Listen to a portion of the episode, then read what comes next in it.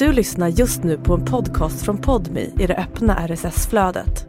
För att få tillgång till Podmis alla premiumpoddar helt utan reklam, prova Podmi Premium kostnadsfritt.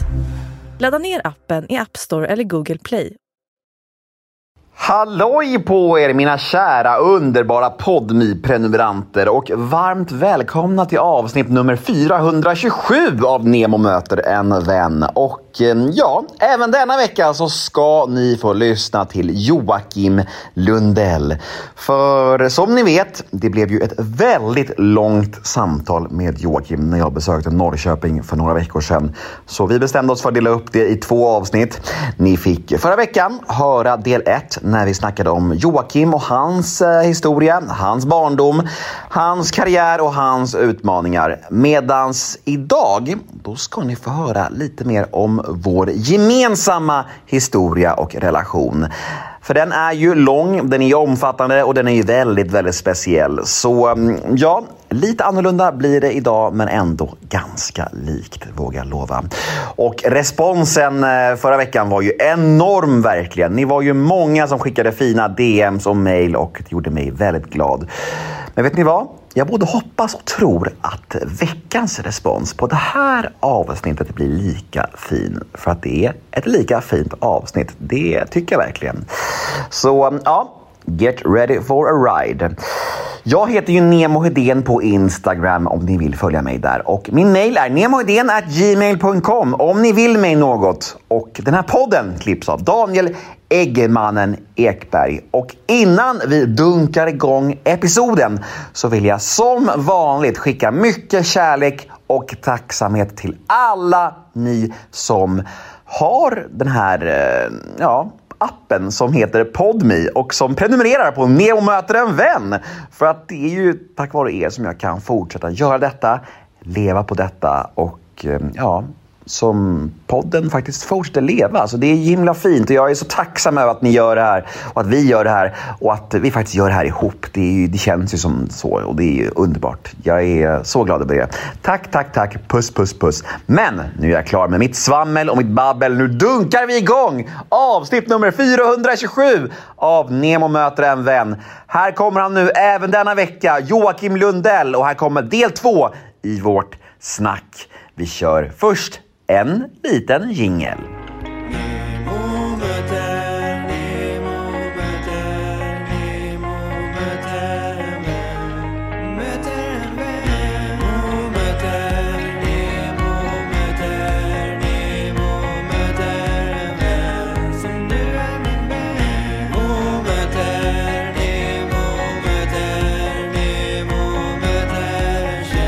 Men du, eh, minns du vårt första möte?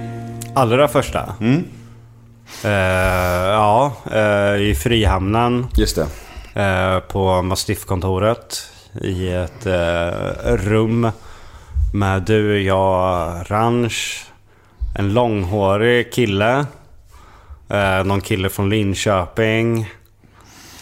Och så var det väl samtidigt tror jag att det var casting till Paradise Hotel. Alltså, det, och där var alla så snygga. Och inom, inom oss var alla bara, alltså bara massa, alltså jag vet inte fan vad man ska beskriva det. Men vi, som, vi var mest clowner liksom på något sätt. Så här sköningar och lite så här galningar. Typ så här. Och så som, bredvid var det snyggingarna liksom. Eh, och, och jag kommer så väldigt ihåg när vi, när vi eh, sågs på den där. Det var ju eh, slutcastingen till Kungarna av Tylösand. Ja. Var det någon förcasting ens? Eller jag fattar aldrig det där. För jag, jag kom in direkt på slutcastingen och det gjorde du också, eller hur? Nej, jag, jag var på flera castingar. Var det? Ja. Eh, jag var på två castingar innan tror jag. Okej. Var det, var det i Norrköping då eller? Linköping? Nej, jag var uppe på exakt samma ställe. Aha. Det var då jag spydde ner toaletten. Jag kom ju alltså plakatfull till min casting.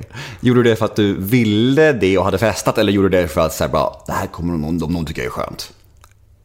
En blandning tror jag. Ja. Och det är helt sjukt. Idag så hade ju blivit svartlistad. Mm, mm, Vad verkligen. med snubben är ju liksom alkoholpåverkad. Ja. Men jag, liksom, jag var ärlig med Jag behöver gå och spy liksom. Jag har druckit så jävla mycket. Och det här var typ en tisdag vid 16.30. Och de bara, honom ska vi ha. Ja, verkligen. Och, och, och den här slutkastningen till det här programmet, det gick ju ut på att jag, Jocke då, och Ranch och James och några killar till fick sätta oss i ett rum med massa alkohol och sprit och excider och skit. Och så var det kameror runt oss. Och satt liksom produktionen i ett annat rum. Producenterna och, och kanalchefen och så här, och skulle kolla på oss hur vi typ förde oss i sociala sammanhang. Vilka roller vi tog och vilka vi blev liksom. För att de skulle utgå från det till liksom, ja, men vilka som är lämpade för programmet. Och du och jag tog ju liksom, ja, vi, vi tog ju för oss bara, ja, men nu är det ölspel och vi ska liksom bara vara helt gränslösa. Så vi var ju jättegivna liksom. Men just det castingformatet, det är ju så jävla speciellt på något sätt. Det är weird. Ja, jag hade aldrig, aldrig, hört att det ens förekom. Men, men det, det, det ledde till att vi, vi kom med i det där programmet och ehm, blev, ehm, blev eh, ganska nära vänner. Eh, jag vill inte att den här pod- podden ska han- handla om och, och, och kritisera det där, för det har vi redan gjort så mycket du och jag i, i olika sammanhang. Och det, är liksom så här, det känns inte som att det behövs göras mer. Men när du tittar på hela programmet och efterspelet med, med kändisskapet och, och barturné och allt sånt där. Vad får du för känslor av det idag? Men det var väl ändå en del av varf- vem man blev idag. Så idag kan jag distansera. Jag är inte sur på samma sätt över det längre. Det har också gått i vågor, eller hur? Ja. Det är så intressant vad man är i livet och, just därför tycker jag att det är så problematiskt just att skriva böcker. För att böcker utgår ju oftast ifrån hur man känner just då. Och när man skriver ord, då blir de ju cementerade, då fastnar de ju. Ja, det, det blir cementerat. Det är så svårt då. Så, jag, jag kan känna att, att saker som jag skrev i min första bok, då var ju stenhård mot kungen av Tylösand. Alltså allt med det var liksom förkastligt och skit. Och, och det var ju för att jag var liksom så här, jag hade liksom blivit nykter och fått nya ögon och perspektiv och bara mm, nu ska jag, fan, det där var inte okej.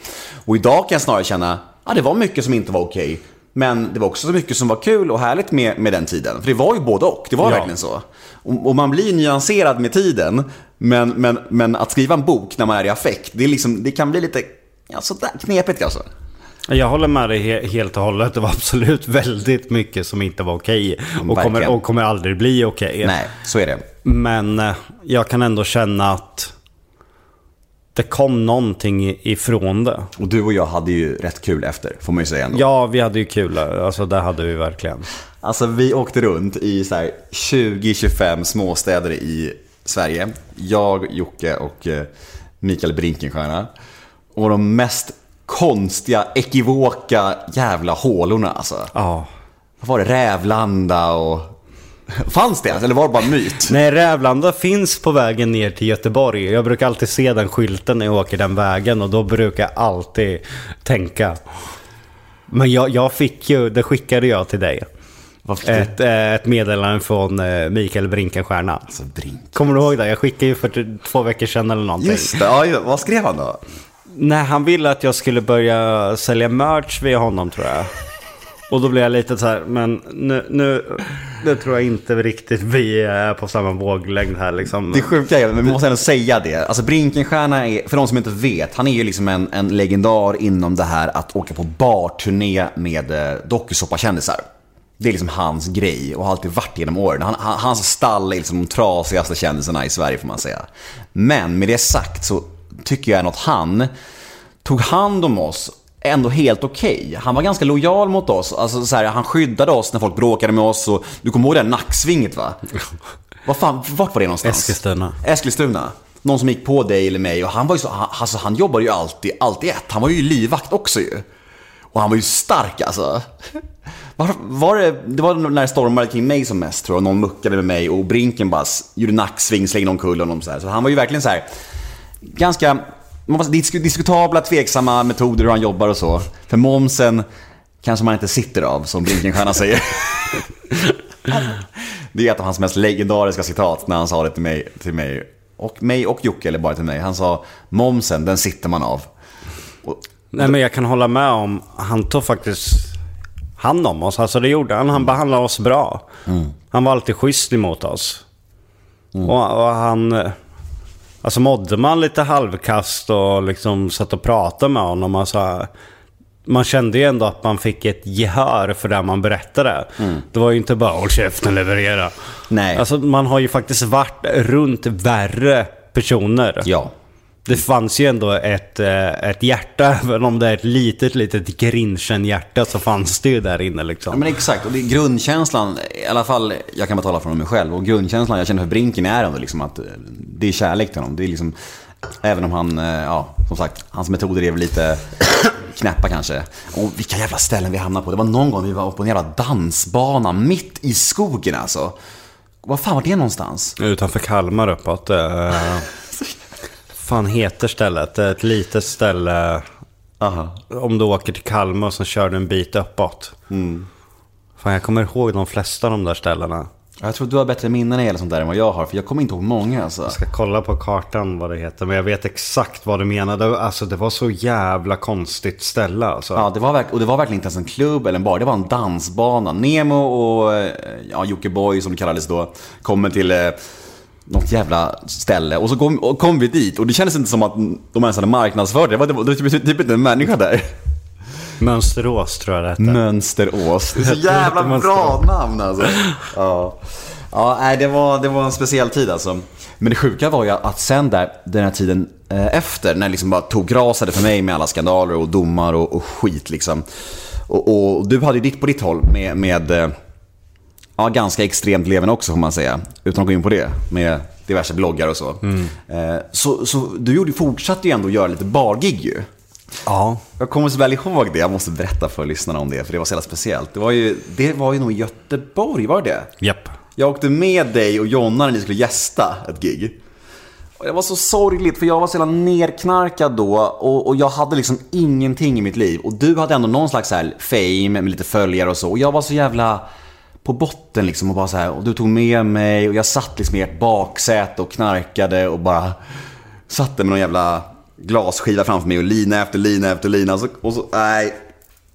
Usch alltså. Och jag var bara så bitter för att du fick göra bargig och att jag inte fick vara någon, någon, posterboy längre.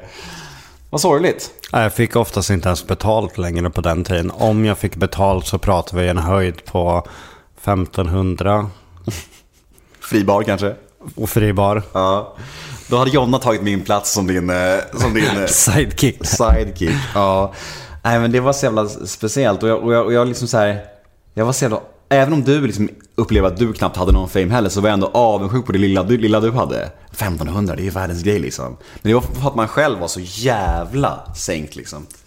Eh, och så måste jag ändå, en annan historia som jag kom att tänka på nu, det var ju när vi var, det måste ha varit i samma period ungefär, när, när du var nere på Gran Canaria där. Var det samma period ungefär? När var du där nere? Du bodde där ett tag va? Det, här, det var innan. Okej. Det var ungefär... Uh, 2012 kanske? Kan det ha varit det? Japp. Gran Can? Eh, eh, mellan 2012 och 2013. Precis vid årsskiftet där. Du kom i januari. Tror jag det var. Och när var gigget i Göteborg då? Eh, typ eh, maj 2012. Eller 2013. Så det var några månader efter? Ja, fyra, fem månader emellan kanske. Ja. Jo men precis, du, du jobbade luddigt. Alltså vadå jobbade? Vad gjorde du på Gran Canaria egentligen? Eh, Jag jobbar. men som vad? eh, bartender när, när jag orkar. Ja, skö- skötte du bra eller? Nej, Nej. inte så jättebra. Nej, men, men jag kommer nu hälsa på dig där. Kommer du ihåg den här jävla knarklangaren vi var hemma hos som hade så här... Det var ju fan jävla Scarface-mängder. Ja. Otroligt alltså. Alltså han hade en så här... Det var som att det hängde en sån här, du vet sockervadds eh, grej som man, som man gör en sockervaddstång på, som man drar runt så här. Med kokain alltså. Ja, men, och typ såhär Nalle Puh-urnor där han har honungen. Alltså den sizen. Ja. Ja, Det var så jävla kvalificerad knarklangare. Och, och så bara sa han typ så här bara... Eh, ja, hur många gram ska ni ha? Och, jag typ sa, ja men fem gram typ. Och det var inte, då var det så här, att han bara tog någon slags kniv, någon sån här sylvass kniv och bara skar ner. Bara, så bara blev det exakt mängd. Han var så här skillad. Jag bara, kolla på honom. Det var, så här, det var, det var verkligen som en riktig, riktig film. Och sen kommer jag ihåg att vi åkte hem till ditt hotell, hot- hotellrum. Världens jävla äckligaste rum för övrigt. Det var någon lägenhet. Typ. Lägenhet ska vi nog kalla det. Ja, ja men det var så, men, var så men så jävla mycket sopor utanför. Ja, jag vet. Det var det jag menade. Det var så äckligt alltså. Och så kommer jag ihåg att jag då började knarka och blev superparanoid. Låste in mig på ett rum där och ville typ inte komma ut. För att jag var så paranoid. Och så, och så, och så filmade du mig i smyg. Och la upp på din jävla YouTube-kanal. det var jättesjukt. det. Alltså hur gränslöst är det? Jag tror inte jag fattade det själv. Det är ju olagligt att knarka, du vet det va? Ja. Alltså den där lägenheten, kommer du ihåg att till slut så fick vi kliva över Alltså skräp, alltså det, det hade ju kommit upp till en typ 40-50 centimeters höjd över hela golvet i stort sett. Mm. Vi hade bara den här lilla soffan. Och där satt vi och spelade Nintendo U. Just det. Eh, Super Mario. Typ en bana där man skulle springa genom spöken som gick i ringar, kommer du ihåg det? Ja, just det, just det, just det. Och, och vi skulle matcha varandras tid. Grejen var att vi satt typ i tre dygn och gjorde samma sak. Ja. I den här liksom, lägenheten. Sunkiga lägenheten, satt där och, och bara knarkade och... Nej, det var så jävla miserabelt liksom. Och det sjuka är att när man var, var i den där perioden, alltså jag gick ju längre och längre ner i drogerna då och du höll ju också på med dina extrema saker, så kändes det som att liksom så här... Vad tänkte du om framtiden då? Alltså, hade du fortfarande drömmar då om sakerna du gör idag? Nej, jag eller, hade, eller var det bara svart? Jag hade gett upp. Ja. Jag kör på så länge det håller liksom. Då hade jag förlikat mig med att jag kanske tar livet av mig någon, någon dag. Kommer jag till gränsen liksom där jag inte har någonstans att bo, inte en enda krona. Bara sitter liksom utomhus utan att komma någonstans. Så tänkte jag, men då har jag förlikat mig med känslan. Och det var ändå, på, det låter hemskt men det är ändå på något sätt skönt när man förlikar sig med sitt öde. Jag har liksom accepterat det, att jag, jag kanske inte lever om ett år. Och sjukt nog så borde det låta hemskt, men på något sätt så var det ändå jävligt befriande. Mm. Ja men det finns ju någonting i, i behagligt i det där med att ge upp och bara förlika sig med eländet. För då, känns då någon slags press släpper ju. Eh, någon slags, eh, och det blir ju någon slags behaglig känsla i det. Hur, hur sjukt det än må låta. Att, att pressen att, att ordna upp allt försvinner. För då har man, ja, nej det får gå som det går liksom. Eh, men, men, men minns du när det någonstans tändes ett litet hopp i dig? Vad Ja, men det det? var ju när jag träffade Jonna. Och kände ändå att... Det var första gången jag kände så här, det här vill jag inte förlora. Och jag har aldrig känt att jag varit rädd för att förlora någonting. Förutom alltså att vara offentlig och där på den tiden. Men det, det är ju inget liksom... Det är ingen människa. Det var första gången jag kände att fan... Det är ganska nice att vara en liten familj. Så det var första gången jag kände hopp. Att jag, fan, det här känns inte bra att förlora det. Nej. Men eh, vad, eh, vad tror du, alltså er relation, ni har ju varit ett par nu i, vad var det, blir det tio år eller? Ja. Ja. Det var 2012 ni träffades? Mm, nej, 11 till och med, men seriös från 2012. Ja. Vad eh, skulle du säga är det allra bästa och finaste med henne? Och vad är det allra knepigaste? Nej men hon är på riktigt utan att det, det låter som en klyscha nu den bästa människan jag någonsin har träffat. Hon är fantastisk. Det finns ingen som ser henne som, eller ser mig som hon gör. Bryr sig på sättet hon gör. Alltså, vi kompletterar varandra så bra och även om folk kanske inte riktigt tror på det. Vi funkar lika bra idag som vi gjorde för fem år sedan. Vi är precis lika nykära idag som vi är för fem år sedan. Jag tror att jag och Jonna har insett att eh, det spelar ingen roll vad, vad som händer. Vi kommer vara ihop med varandra till slutet. För att vi har varit med om för mycket tillsammans. Så jag tror inte att vi kan dela livet med någon annan. Förstår du ungefär hur jag menar?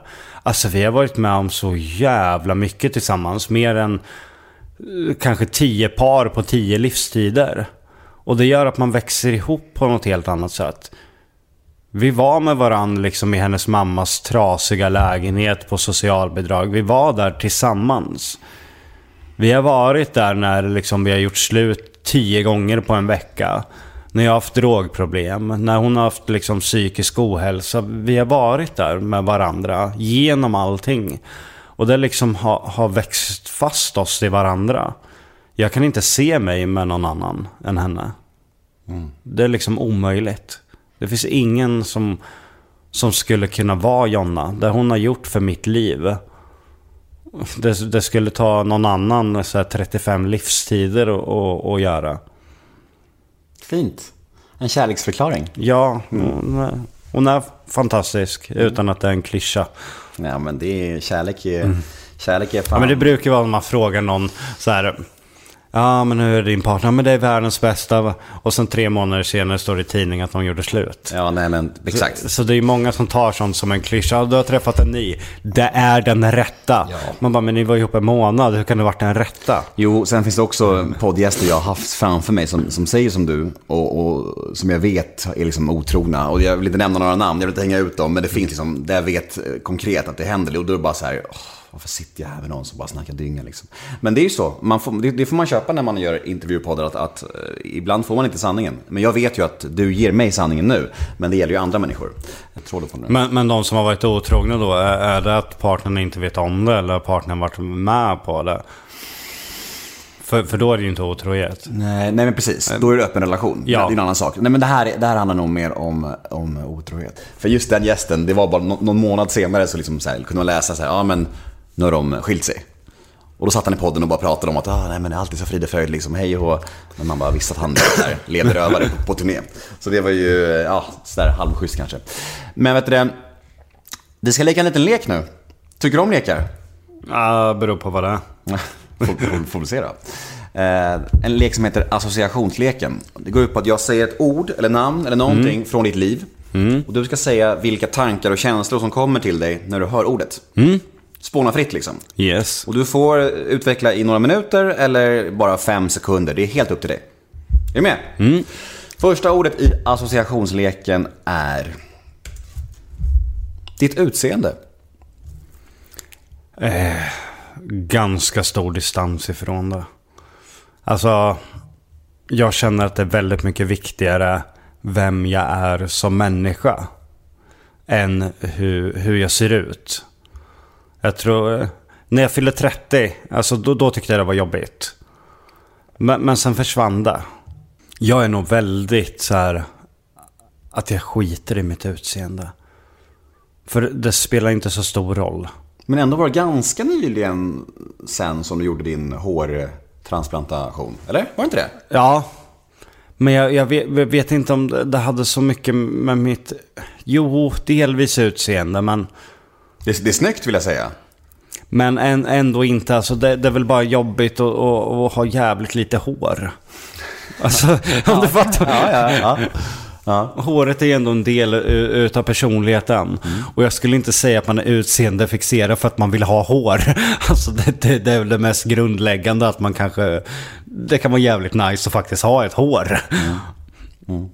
Eh, så, så var väl mycket där. Men- men resten känner jag att förr var det så här, ja men köpa märkeskläder och det.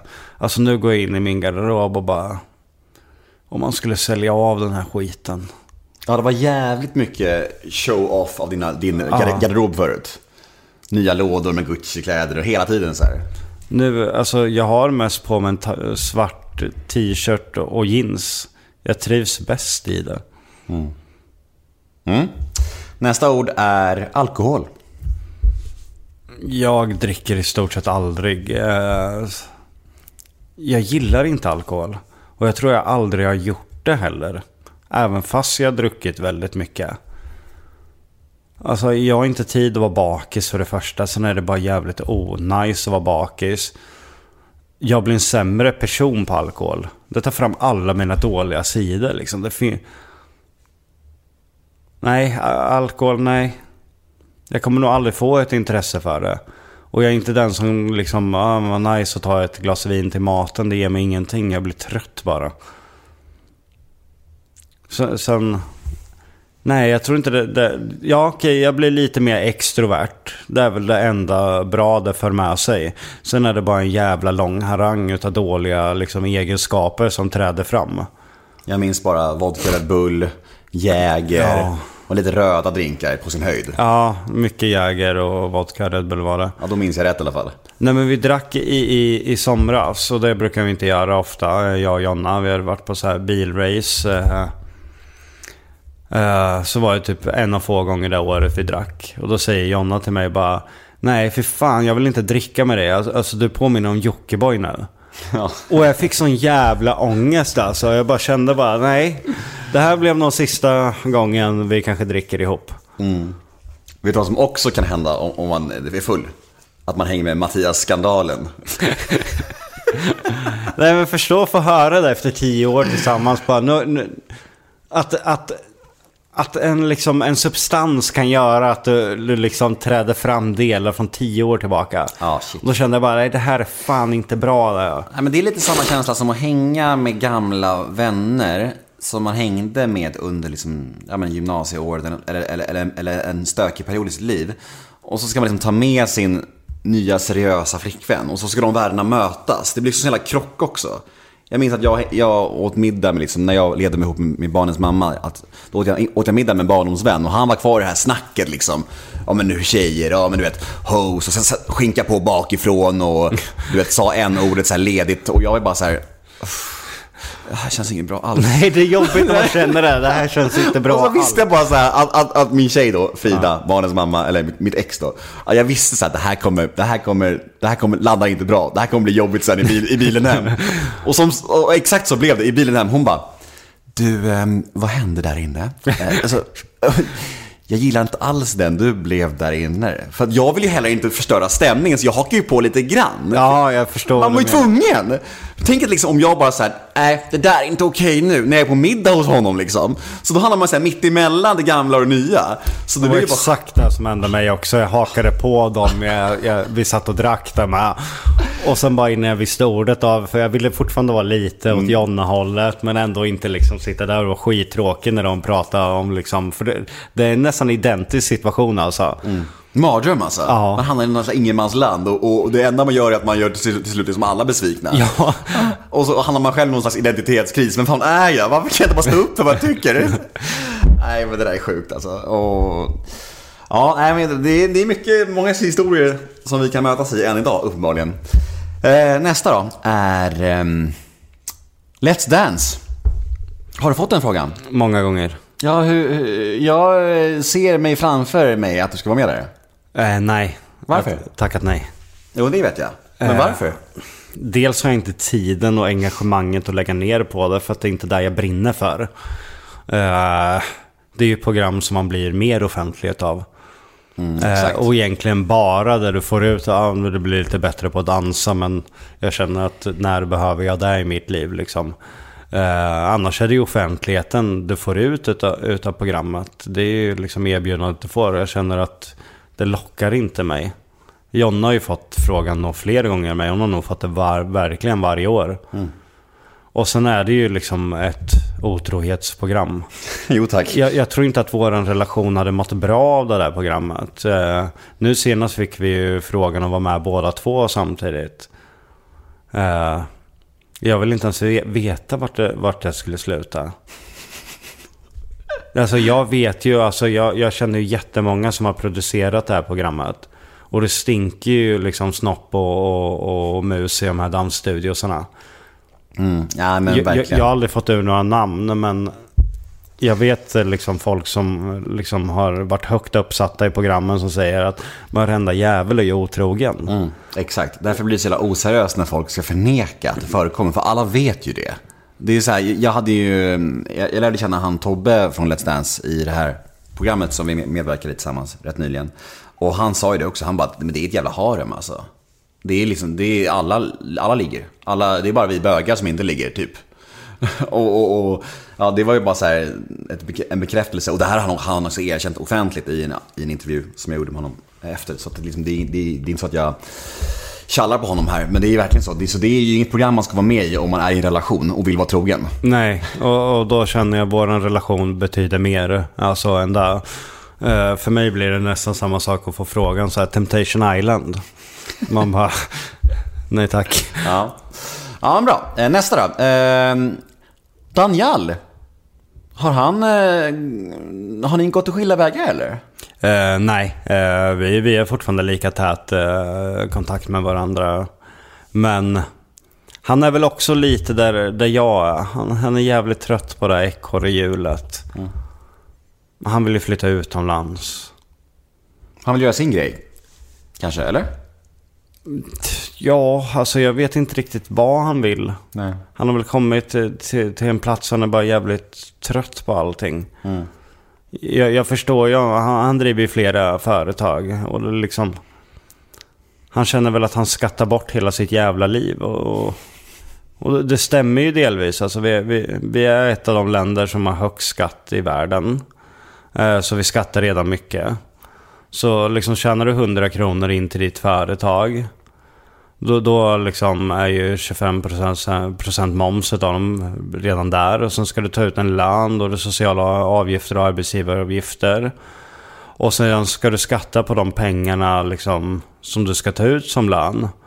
Och sedan där du handlar för pengarna du tar ut som lön betalar du skatt liksom med bensin och, och annat.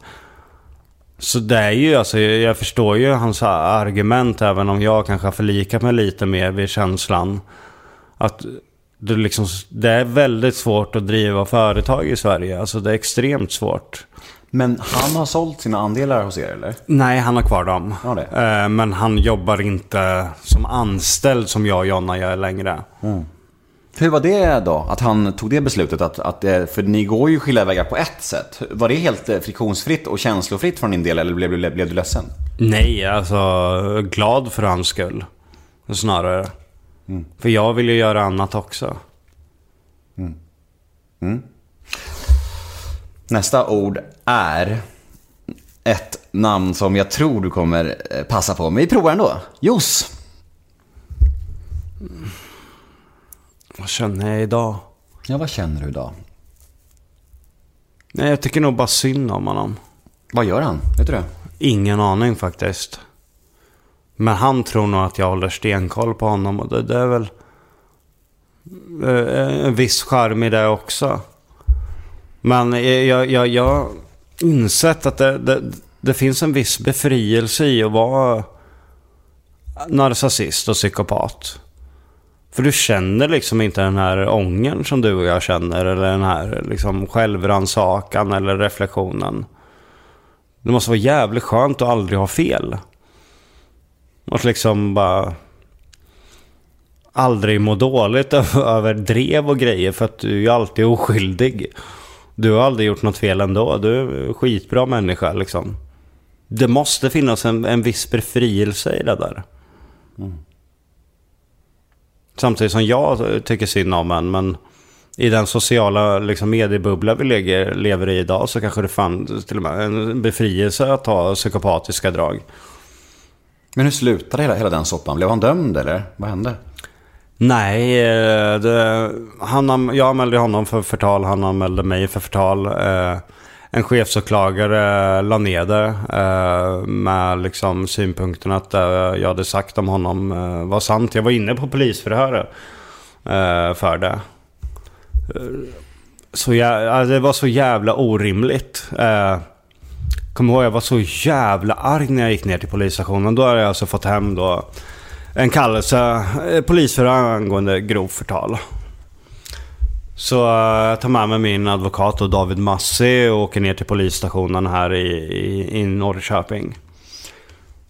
Och då lägger poliserna fram ett klipp så här och spelar upp det. Då sitter han liksom i, i bilen och, och röker en här... Någonting som då ser ut som Mariana liksom är rullad. Säger att polisen har letat igenom hans bil men inte hittade grejerna. Säger att han bränner på en grön trumpet. Och då frågar polisen så här att... Eh, det här är ju du lagt upp på sociala medier. Hur tror du han känner då? Eh, och då blir jag så här... Hur, ursäkta, hur han känner av vad då? Att jag lägger upp och ifrågasätter eh, om man ska köra bil. Ja, men eh, du säger ju här att han eh, knarkar. Ja, han säger ju det i klippet att han knarkar. Jo, men hur vet du att det är sant? Och jag blir så här, jag bara, men är du på, är, är du, är du på riktigt? Är, är du dum i huvudet människa? Ska jag då gråta ut så här? Ja men jag ber Jonna filma ett klipp när jag tar en ölburk och häller i Lunabell. Och sen ska jag bli förbannad för att grannen tror att jag har hällt i en öl. Det är ju jävligt dumt att ta en ölburk då. Och då blir jag så här, är det inte jävligt dumt av honom att lägga upp klipp där man säger att man knarkar om man inte vill att någon ska tro det? Ja men... Eh, det här lägger du upp för väldigt många människor som gör att folk kan få en då, dålig syn utav honom. Jag bara, men för helvete han sitter och sover bakom ratten. Jag bara, du har ett klipp här på 20 sekunder där han blundar där han kör sin bil. det, det kanske är väldigt sunt att jag som människa reagerar på det här. Jo, men du har ju ingen rätt att, att lägga upp där ändå. Jag bara, men tyvärr så har ni fel i lagen här.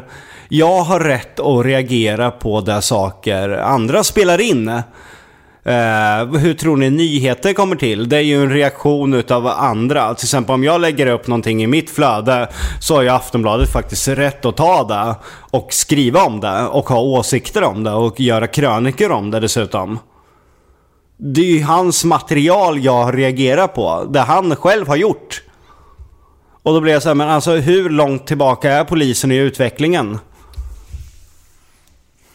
Nej, det var så här orimligt. för- Jag var så jävla förbannad när jag gick därifrån och sen lades ju ner.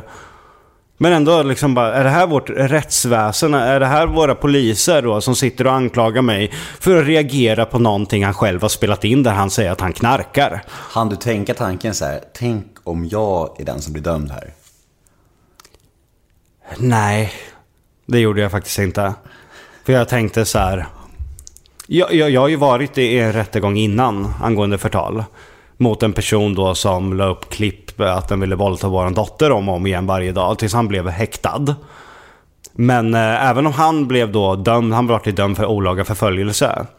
Så vart ju jag dömd för att eh, jag har kallat honom djurplågare. Att jag kallade honom pedofil var ju helt okej eftersom han faktiskt på klipp hade sagt att han ville ha sex med våran dotter. Eh, Att jag kallade honom potentiell skolskjutare var ju också okej eftersom han faktiskt hade lagt ut att han hade tankar att skjuta.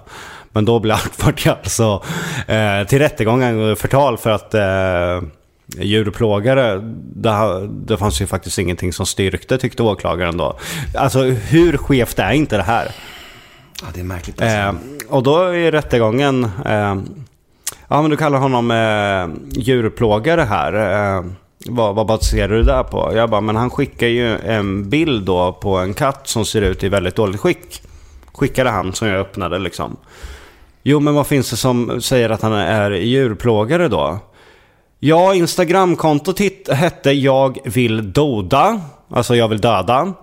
Eh, den hade en profilbild med min dotter som då hade en inklippt kniv i halsen. Och det hade skickat en, en lång text om hur den utförligen skulle våldta min dotter och mörda min fru. Får jag då en tilltufsad katt skickad ifrån det här kontot så kan det ju faktiskt finnas liksom att jag känner att ja, den här katten kanske är utsatt för någonting. Och då var det typ helt tyst i rättssalen. Men shit, du blev dömd för det alltså? Nej, jag har varit fri. Ja, jag jag har varit det. Jag fria. bara, herregud. En, en, en enig jury Ja, till och med friade mig. Jag, bara, jag, tyckte, jag tyckte, att höra att du sa att du blev dömd. Jag bara nej. Men, men det är också en sån där grej som jag hatar att vara offentlig. Den, där, den där åklagaren hade aldrig lyft det här om inte jag hette Joakim Lundell. Nej. För jag, jag vill inte vara någon som man faktiskt kan dra till en rättegång för att göra ett jävla namn. Jag vill inte bli behandlad orättvist och jag vill inte bli, bli behandlad eh, bra.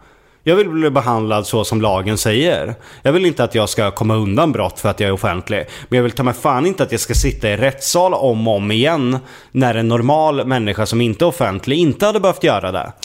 Nej men nu är vi där igen, det vi snackade om i början av podden. Det här med vad som kommer på köpet med eh, offentligheten och framgången. Det är lite Ja. Dårarna.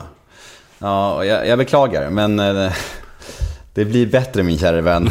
Eh, Ju mer du drar dig tillbaka desto mindre dårar kommer staka dig, det lovar jag. Nästa eh, är... det, här, det här är kul. Eh, Att hålla tider. Inte så bra. Men bättre väl? Mycket bättre. Om vi ska ge lyssnarna lite kontext här så har ju du och jag en historia av att jag är väldigt arg på dig för att du kommer sent eller inte kommer alls. Det tog sin start allra första gången, vet du vad jag kommer säga nu?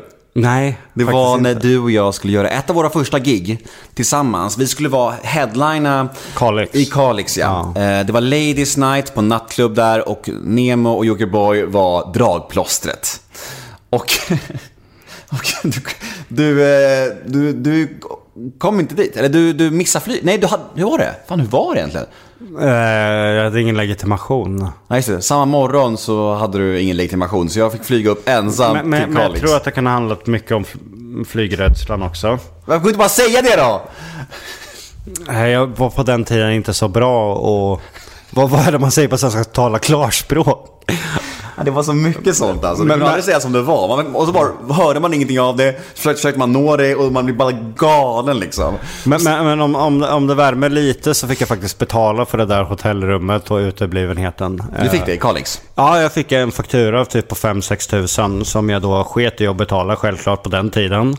Men sen när jag styrde upp mitt liv då låg ju den kvar där. Så jag, det kostade mig 5 tusen att inte dyka upp där medan du fick betalt för att vara där. Så du, du får tänka, Det är sant. Du, du får Och- tänka den. Och jag, det var ett av våra första bargig. Vi var häng, högst upp i, i Norrland, i Kalix. Och jag kommer ihåg att eh, kvinnorna där var ju som flugor på mig. Och det var ju så på den tiden. Alltså, Ja. kvinnorna älskade oss och männen... Hatar oss. Ja, det var Nej, inte 50-50. alla. 50-50. Ja. 50% av männen hatade oss, ville döda oss. Och 50% tyckte vi var kungar typ. Lite, lite, lite så. så. Men vart jag, än gick i, vart jag gick i Norrland var det bara så här. Vars är Jockiboi då? Vars är Jockiboi då? Sa alla killar. Vars. Vars är Jockiboi då? Jag bara, jag vet inte var han är! Fråga inte mig! Jag, du får ringa honom. Ja, men hur har det blivit med åren? Har det blivit bättre? Eller, det, eller, eller får du fortfarande skit för att du liksom missar tider eller är svår att få tag på och sånt där? För jag upplever lite skillnad, men ändå fortfarande svårt. Ja, svårt fortfarande. Eh, bröstar den. Men ändå bättre med att... Eh, jag är ju väldigt snäll. Jag vill ju hinna med allting. Men jag har lärt mig själv att det skadar mer och försöka lova mer än vad jag hinner. Mm. Så idag så har jag faktiskt tagit mig rättigheten att säga, vet ni vad? I, i, idag kommer inte jag åka upp till Stockholm och göra den här radiointervjun. För idag kommer jag faktiskt bara vara hemma med familjen. Eh, innan så hade jag inte vågat det liksom. För då hade jag sagt, ja men jag kör radiointervjun. Sen när dagen kommer bara, ah, jag känner mig lite krasslig. Eh, nej, jag hinner inte idag. Då sätter jag ju liksom komplikationer för andra människor liksom med kedjereaktion. Idag är jag bättre på att säga nej. Men det är fortfarande jävligt jobbigt att få ihop scheman. För att eh, ibland så kan det kastas in saker jag helt plötsligt behöver göra. Som jag behöver liksom kasta om schemat fullständigt. Eh, du har barn som är sjuka titt som tätt. Som jag får liksom få ställa om schemat efter. Men jag försöker mitt bästa, men jag skulle faktiskt inte säga att jag fortfarande är bra på det. Jonna är liksom 10 av 10 på det, men jag är inte på, på väg uppåt, men inte där. Det jobbiga med att det alltid var så här mycket förr, det är att känslan hos mig kan ligga kvar. Ja. För, för nu när vi skulle träffas idag, eh, och vi har ju försökt att få till det här i några veckor och, och du har bokat om ett par gånger. Och då har jag tänkt så här, har han förändrats eller är det samma Jocke fortfarande? Så jag bara kände så här, nu, har, nu, nu bokar han om igen. Och så nu har vi bestämt idag och så kommer jag hit och så åker jag, åker jag till lägenhet och där kommer jag inte in. Och sen kommer jag till huset, dunkar på. Då hinner jag känna så här, det kommer bli så att jag åker hem härifrån och jag kommer vara rosenrasande. Ja. Men nu sitter vi här. Så det har ändå blivit bättre. Ja, ja men jag hade, jag, jag hade för mig att det var en, en senare tid. Nej, Du skrev 10 till, eh, 10 till 14 är ju Ah, tillgänglig. och då tänkte jag att då väljer du självklart en lite senare tid eftersom du åker från Stockholm. Men där får jag skylla mig själv att jag antog det. Men du vet ju om mina dygnsrutiner. Ja, här, du, du följer ju mig. Så jag åkte från Stockholm klockan sex idag. Men idag är nog den dagen jag sovit längst på, alltså jättelänge. Men vi har typ jobbat natt typ två dagar. Alltså det har blivit till typ tre, fyra. Och sen har vi gått upp och tagit hand om barnen vid åtta. Så alltså igår, alltså jag var så jävla luddig i huvudet att jag inte ens kunde tänka. Jag och Jonna satt och pratade om jobb och jag frågar henne någonting. Hon bara, men vad var det du menade? Och då när hon ställer den frågan tillbaka så har jag typ glömt bort vad jag frågade henne. Så vi kom liksom ingenstans. Så då sa Olivia bara, alltså ni, ni behöver nog liksom sova ut lite så tar, tar jag barnen. För att eh, det, det är inte gynnsamt och ens för er att jobba liksom när, när ni sitter som två zombies. Ja, du såg lite nyvaken ut när jag, när jag dunkade på här. Lite, lite, lite sådär morgonplufs i håret. Bara såhär, "Rr, hallå? Vad är klockan egentligen? Stod du med Nocco i handen. Bara, ja, nej men eh, intressant ändå. Eh, det, det är fint att även den biten går framåt för dig. Eh, vi, vi har alla våra små eh, brister som vi kämpar med. Eh, men så länge vi går åt rätt håll så är det ju hoppfullt ändå, eller hur? Eh, eh, nästa är din kost. För jag vet ju att du har ett... Du gillar ju typ så här pasta och korv typ. Ja, väldigt mycket. Lite för mycket. Äter du några grönsaker alls? Nej, eller tomat och gurka kan jag äta. Ja. Men det är ytterst sällan. Ja, Jag, jag, jag, jag, trivs bäst med enkel kost. Nej, jag, jag minns det från tiden vi hängde mycket. Och jag vill ta upp sådana här saker som jag minns, för jag vill se om, liksom, om det har förändrats. Det Nej, alltså jag är skitsugen på typ snabbmakaroner och vanliga frysta köttbullarna. Nu när du säger det, så jag kommer förmodligen göra det sen när du har åkt. Hur mycket korv och, och pasta och köttbullar blir det egentligen? Mycket va? Nej, hade jag, fått, jag hade kunnat äta det varje dag. Ja. Alltså på riktigt varje dag. I'm Nick Friedman. I'm Lee Alec Murray. And I'm Leah President, and this is Crunchyroll Presents The Anime Effect. We are a new show breaking down the anime news, views, and shows you care about each and every week. I can't think of a better studio to bring something like this to life. And Yeah, I agree. We're covering all the classics. if I don't know a lot about Godzilla, which I do, but I'm trying to pretend that I don't right now. Hold it in, hold it. And our current faves. Luffy must have his due. Tune in every week for the latest anime updates and possibly a few debates. I remember, what was that? Say what you're gonna say, and I'll circle back. you can listen to Crunchyroll Presents The Anime Effect every Friday wherever you get your podcasts. And watch full video episodes on Crunchyroll or the Crunchyroll YouTube channel.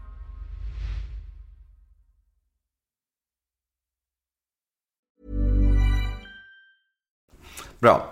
Eh, nästa ord är gislaved. Det var ett bra gig. det var premiären va? Var det inte det? Eh, nej, Eskilstuna var allra första premiären på, eh, på Harrys där. Smygpremiären kan man säga. Ja. Ja. Och Men Gisla- Gislaved var ju ett riktigt stort gig. Alltså det måste ju vara 2000 pers där. Vilken stor nattklubb det var. Ja.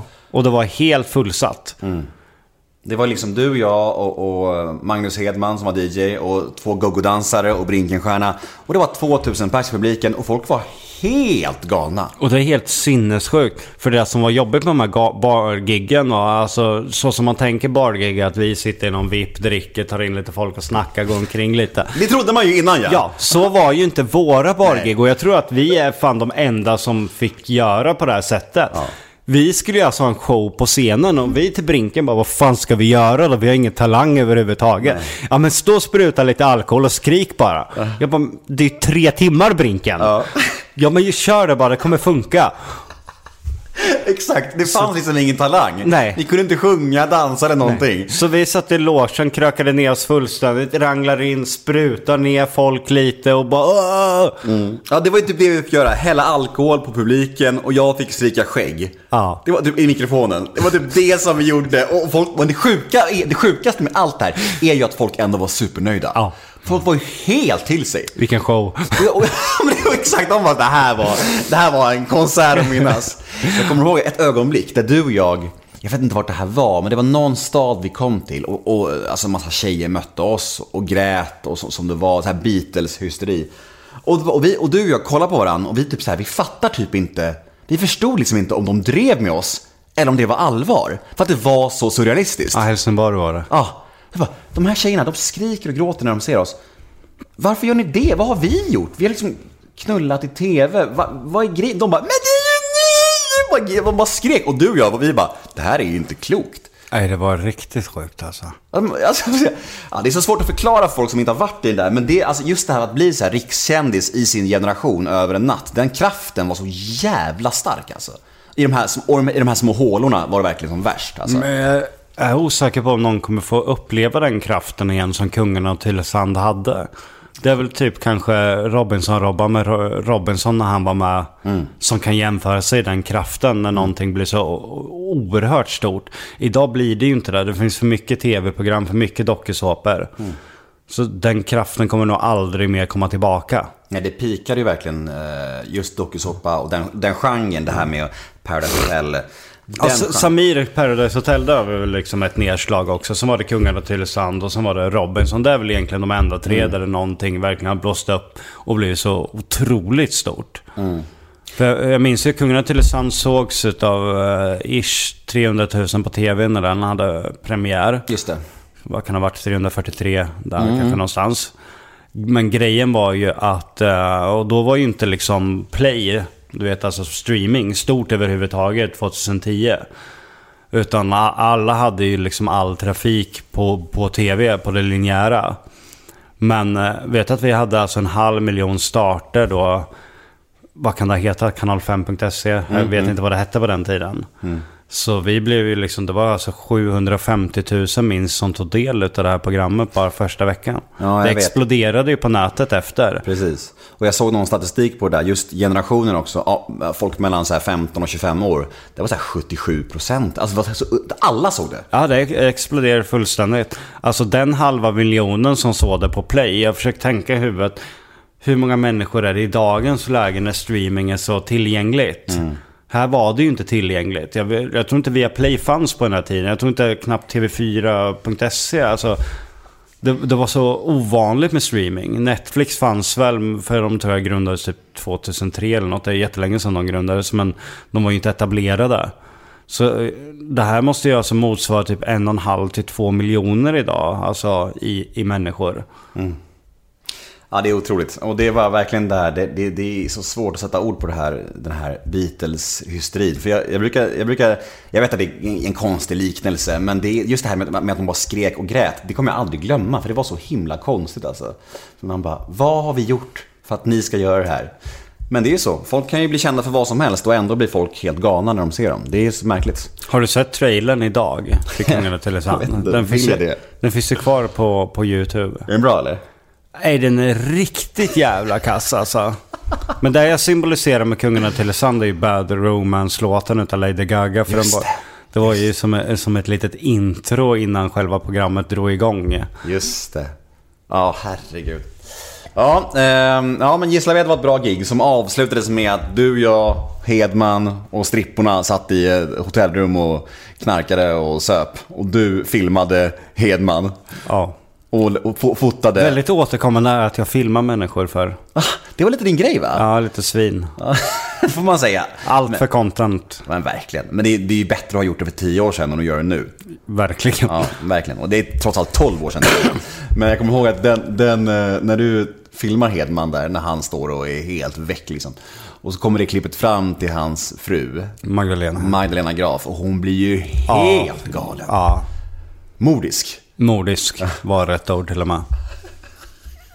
Men jag har hört via Jonna som har faktiskt gjort ett program med Magdalena att hon inte är lika arg på mig idag i alla fall. Nej men det är hon inte. Det vet jag också. Jag har ju träffat henne ganska mycket genom Hedman nu de senaste åren här och hon har ju släppt Man, man fattar ju aldrig då så här, men våra barn kommer skadas så här. Idag fattar jag att det var Lan som pratade om. Men det var ju så långt bort då för att han var ju så extremt liten och icke-offentlig. Men Mm, nej men det är så. Det är så. Och eh, det sjuka är att ju- just den här efterfesten efter hotellrummet där, det var ju typ då jag provade amfetamin första gången. Så det var Hedman som drog in mig i det kan man säga delvis. Jävla Hedman. Men han är också förlåten.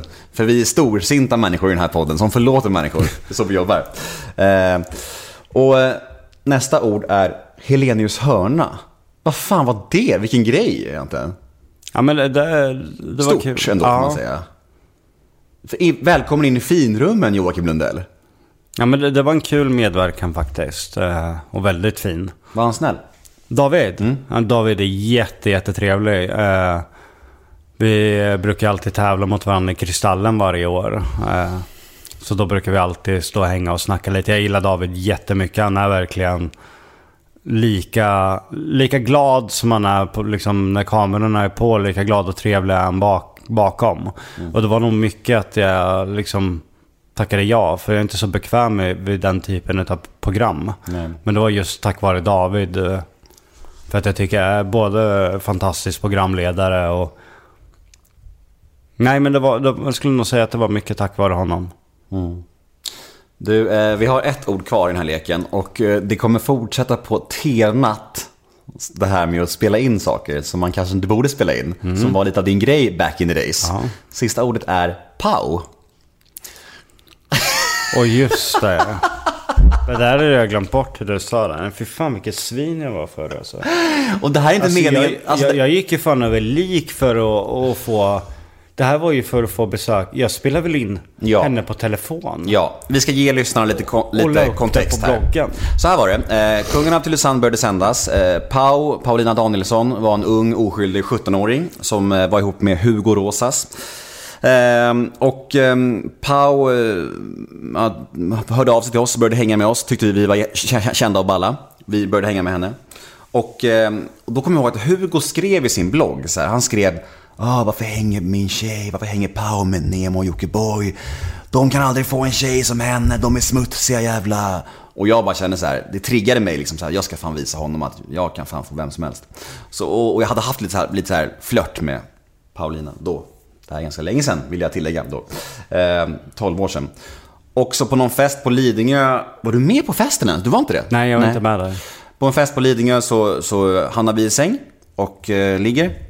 Jag tror det var, vi låg i en bastu till och med. Bastu, ja. I en Jag bastu. skulle ju säga det. Det minns du? Ja, det minns jag. Ja, det var lite, det var fan, ja, det var speciellt. Eh, och sen så, så pratar hon ut hos dig. Och här kan du ta över historien om du vill. Ja, jag, jag hade glömt bort det här tills, tills du sa det. Fick du ångest nu? Ja, det är ju riktigt svin. Alltså, Det är så länge sedan Jocke, det är preskriberat. nej men då, då var ju hennes stöd där i samtalet. Hon är jätteledsen, Ja. 17 år. Och eh, spelar in det här då för att lägga ut på bloggen dagen efter. Ja, och jag kommer ihåg vid det här tillfället, jag var ju så jävla nöjd. Vilken jävla trafikboost jag fick av det här. Ja, hon ringer ju dig egentligen för att få stöd, för att liksom, du är vår gemensamma nämnare. Så här, och, och du spelar in samtalet när hon erkänner att hon varit otrogen med mig mot Hugo. Och lägger in det samtalet på din blogg. Och det liksom spränger ju internet. Ja, i och med att eh, min blogg var en av de större, din blogg var en av de större och Paulina och Hugos bloggar var en av de större och alla var inblandade i det. Ja, och Hugo ringde mig och bara “Jag ska döda dig! Visa dig inte på Stureplan, du kommer dö!” Och så det blev sånt jävla Ja, för jag liv. satte ju dig i ett Ja, det bekymmer också! med. Ja. Det också! Och vi var ju, vi var ju bröder. Och jag bara, vad gör du? Men samtidigt så garvade jag också, för jag var lite nöjd över att det blev en grej också. Ja. För att han hade ju sagt så här, "Ja, men Nemo kan inte få en sån tjej. Och jag bara, watch me man, watch me. Eh, så visst, man, man, man sprängde bloggparet, men det vart ju jävla drama. Ah, shit. Så det är mycket återkommande här av att du har spelat in saker som ju inte ska spelas in. Ja. Och släppt för din egen då contentvinning. ja, jävlar vad jag gjorde allt för content för alltså. Ja. Men som sagt, det är preskriberat och vi kan garva åt idag. Ja. Vi ska avsluta podden med lite snabbfrågor. Och nu har vi snackat länge. Är du mör nu? Nu är jag lite mör. Ja, men det, vi, vi ska snart släppa från dig här från... Eh, släppa ifrån dig? Vi är ju hemma hos dig. Snart ska vi avsluta. Men snabbfrågorna drar vi igång nu och det är några stycken här. Vi kör. Paradrätt. Har du någonting du kan laga och är bra på? Ja, en, faktiskt en pasta som då, jag gjorde den i Uppdrag Mat med Mauri när han var här. Eh, den heter egentligen bara Jockes pasta. Lite tragiskt namn. Pasta med eh, köttbullar då eller? Nej, det här är... Jag ska skoja, jag det här, skojar. Den här är bra. Ja. En dag ska du få smaka den. Ja, nästa gång jag kommer hit Ja, kanske? då, ko- du kommer bara... Vad är det i den då? Eh, burrata, parmesan, lök, vitlök, eh, körsbärstomater, eh, kryddor. Snyggt. I can't wait. Vad missbrukar du? Nej men jag jobbar väldigt mycket för att liksom slippa stanna upp och bearbeta saker som har hänt. Jag dränker mig väldigt mycket jobb. Vilken egenskap hos dig själv föraktar du mest? Nej men jag kan tycka det är jobbigt när känslor styr. Att vara, att vara känslostyrd även om jag blivit bättre på det. Ångesttrigger. Nej men det är väl när gamla saker dras upp. Eh, Då lever jag ju tillbaka i den gamla tiden. Jag tycker det är jobbigt. Eh, Jag tycker att jag är värd att få faktiskt gå vidare från tio år gamla saker. Att det räcker liksom. Jag vill inte höra liksom vad jag gjorde då längre. Eh, För det symboliserar och definierar liksom inte vem jag är idag längre. Känner igen mig mycket i de här svaren. Men jag hoppas det är okej att jag tar upp gamla, Ja. gamla minnen. Det är lugnt. För vi garvar ju bara åt det här. Så jag vill ju bara väl. Eh, vad lägger du mest pengar på? Eh, Sparande. Faktiskt just nu. När grät du senast? I förrgår. Så det var ganska nyligen. Vad tror du andra människor tänker på när de tänker på dig? Och då vill jag ha två svar här. Både som offentlig person och dina privata kompisar. Uff, det är jättesvårt beroende på vem det är som tänker det. Alltså, Om man frågar någon random på gatan in, han är inne i Norrköping. Man säger Joakim Lundell till personen. Vad tror du första han tänker på? men alltså det kommer... be, be, det kommer liksom bero på personens egna förutfattade meningar om mig. Antingen skulle personen kunna säga att jäklar han är jättedriftig och duktig på det han gör. Och jäklar vad han har tagit sig från botten till toppen. Eller skulle någon kunna säga "Ja, jävla pajas. Alltså det, det skulle kunna vara... Men det mina vänner vet jag säger, alltså det är att jag är väldigt eh, kreativ och, och driven framförallt. De vet ju hur hårt jag jobbar för, det, för mina mål. Och nu är vi framme vid poddens sista fråga som lyder. Vad kommer du aldrig förstå dig på att andra människor tycker om? Paddel. Fuck you, säger jag då. du, vi är framme vid poddens ände. Hur känns det? Ja men det var, det var, det var kul, det var trevligt ändå. Och catcha upp lite. Verkligen. Eh, och det var jättefint att få komma hit. Och, eh, ja, eh, vi håller kontakten och eh, nästa gång så ses vi utan mikrofon kanske. Ja men det tycker jag. Ja. Hitta på något. Det ska vi absolut göra. Eh, puss och kram och tack för att ni lyssnade och så hörs vi igen nästa måndag. Hej då!